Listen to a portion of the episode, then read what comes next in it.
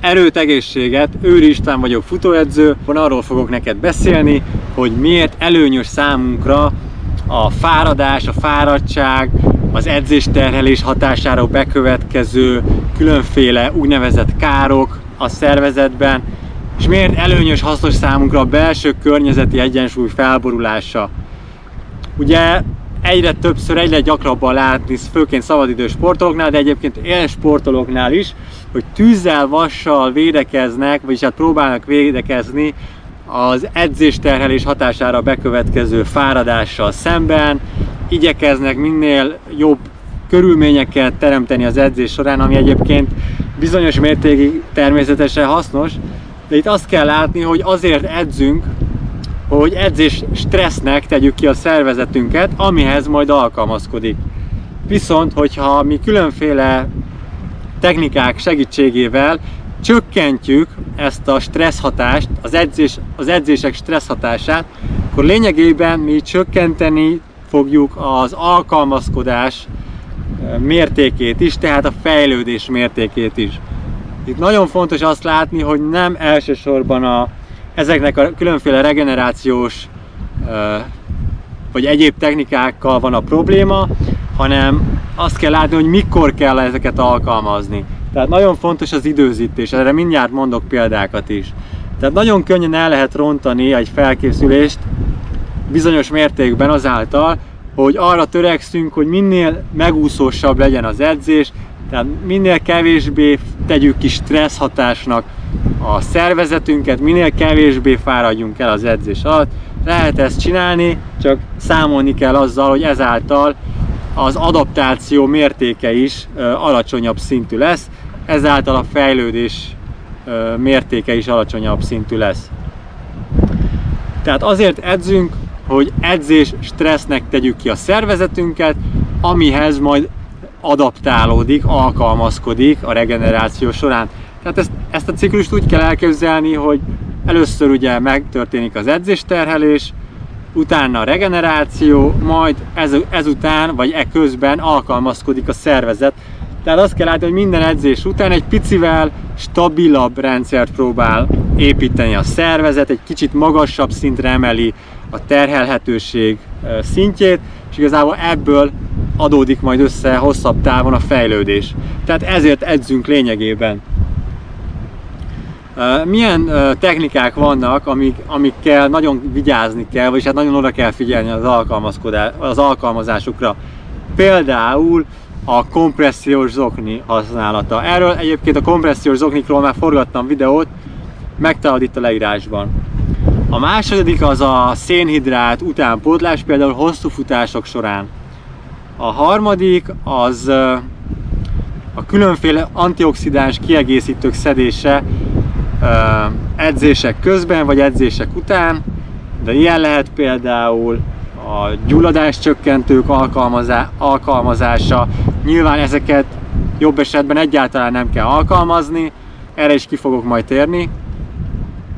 És ilyen lehet például egy jeges fürdő az edzés után közvetlenül. Ugye ez azért elég elterjedt szabadidős sportolók között is, és ezáltal segítve, gyorsítva a regenerációt. Ugye itt ez a lényeg, hogy hát ez jár a fejébe minden futónak, hogy próbáljuk gyorsítani a regenerációt, hogy minél előbb pihenjük ki az edzésterhelést, és, és minél előbb legyünk kész a következő nagyobb megméretetésre, amivel nincs is gond egyébként, szóval ez rendben van, csak azt kell látni, hogy a szervezetnek is vannak természetes képességei, melyek lehetővé teszik a regeneráció folyamatait, és azt kell látni, hogy ha mi beavatkozunk külsőleg, akkor ezek a folyamatok, tehát a, a szervezetnek a saját természetes regenerációs folyamatait fogjuk bizonyos szinten gátolni, vagy tompítani a hatásukat.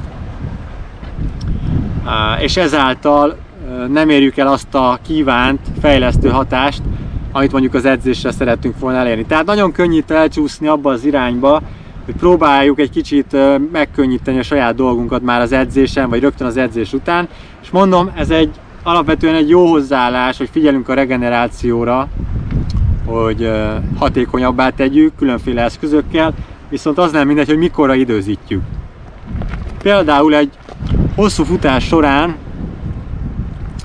tegyük fel, hogy félmaratonra, maratonra, ultra, ultratávra készünk, és ugye az a lényeg, hogy azért is edzünk többek között, hogy például a glikogén raktárakat tréningezzük, hogy nagyobb raktáraink legyenek, tehát több glikogén, szénhidrátot tudjunk majd raktározni, tárolni, ugye az edzettségi szint növe, növekedésével e, nagyobb glikogén raktárakra tudunk szert tenni, tehát több e, szénhidrátot tudunk tárolni májban, izomban.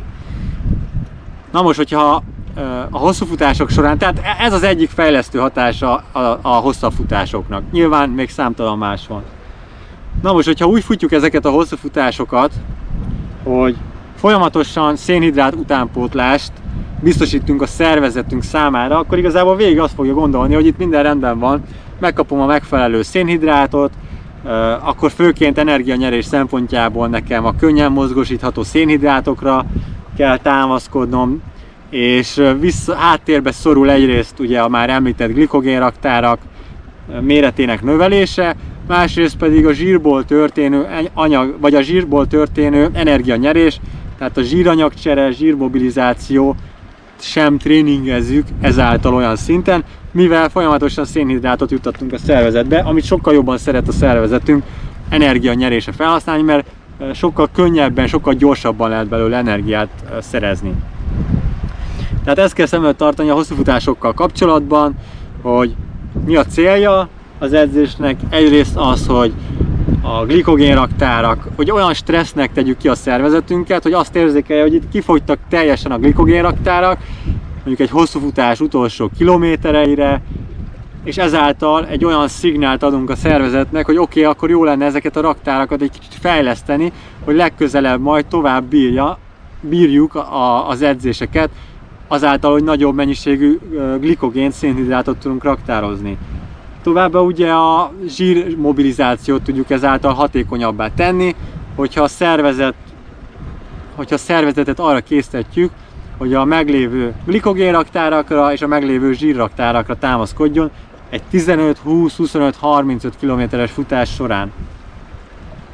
Ez nagyon fontos, hogy ez az edzésekre vonatkozik, Nyilván egy versenyen teljesen más, más lesz a történet, ott nem kell azzal szórakozni, hogy most te nem viszel be szénhidrátot, hanem ott arra kell törekedni, hogy a lehető legjobb feltételeket biztosít, mert ott most a versenyen te már nem akarsz fejlődni, a versenyen te a lehető legjobb teljesítményt akarod elérni. És ehhez biztosítanod kell az ideális frissítést, megfelelő öltözetet, a megfelelő stratégiát az edzésre, stb. Tehát egy versenyre az teljesen más sztori. Most csak az edzésekről beszélünk, és az edzések által kiváltott edzés hatásokra, stressz hatásra. Tehát ezt érdemes látni a szénhidrátokkal kapcsolatban, vagyis hát a szénhidrát utánpótlással kapcsolatban.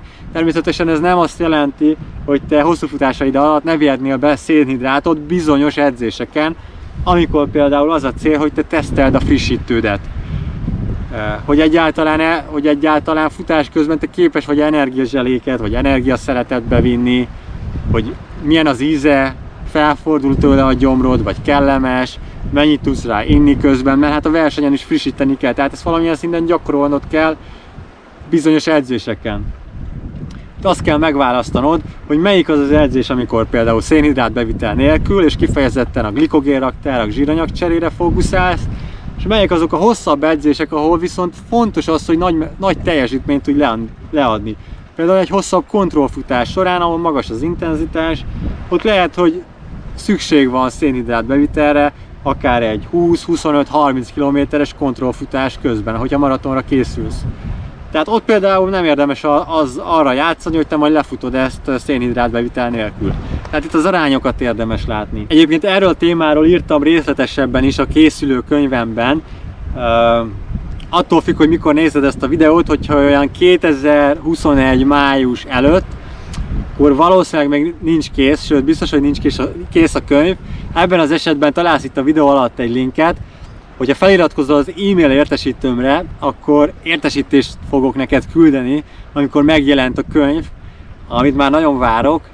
Eh, hogyha 2021 május után nézed ezt a videót, akkor már megtalálod itt a, a, a leírásban a könyvnek a linkjét. Érdemes meglátogatnod a weboldalt. Egy nagyon-nagyon jó könyv lett szerintem, és nem azért, mert én írtam, amikor legekben beszélek erről a könyvről, akkor általában azoknak a szakembereknek a munkáját dicsérem, akik, akik szakmai lektorként részt vettek egyébként az alkotói folyamatban, de a későbbiekben úgyis készíteni fogok még videókat a könyvről, úgyhogy érdemes feliratkoznod az e-mail értesítőmre egyelőre.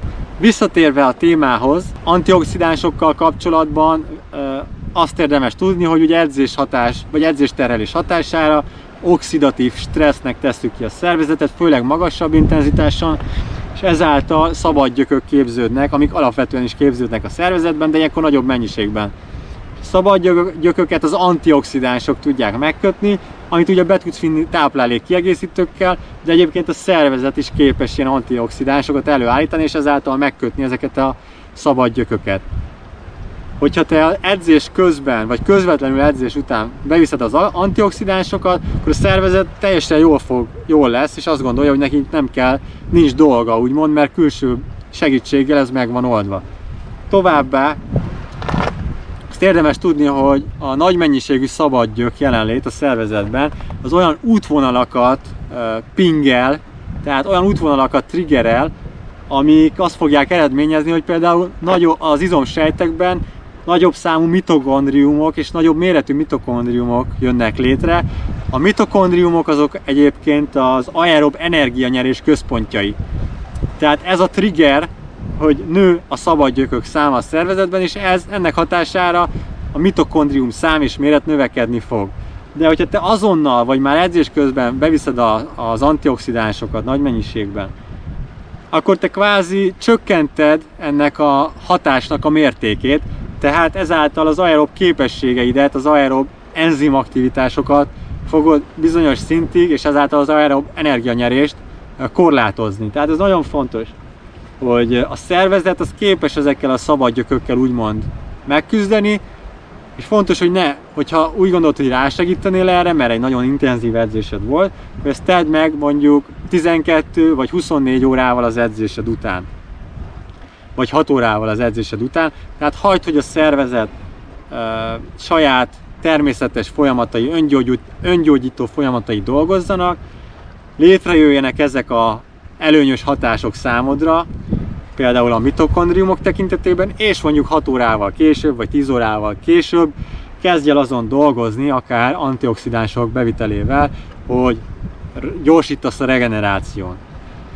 Másik példa ugye a gyulladás csökkentő. Ugye ez teljesen természetes, hogy edzés terhelés hatására, vagy bármilyen sportmozgás hatására mikroszakadások és ezáltal gyulladások jönnek létre az izomrostban, és azáltal, hogy te elkezdesz bármilyen okból gyulladás csökkentőt szedni, mert például alapvetően is van egy valamilyen fájdalmad, sportsérülésed, stb., ezáltal te blokkolni fogod a, a szervezetnek a természetes ilyen gyulladáscsökkentő és öngyógyító folyamatait.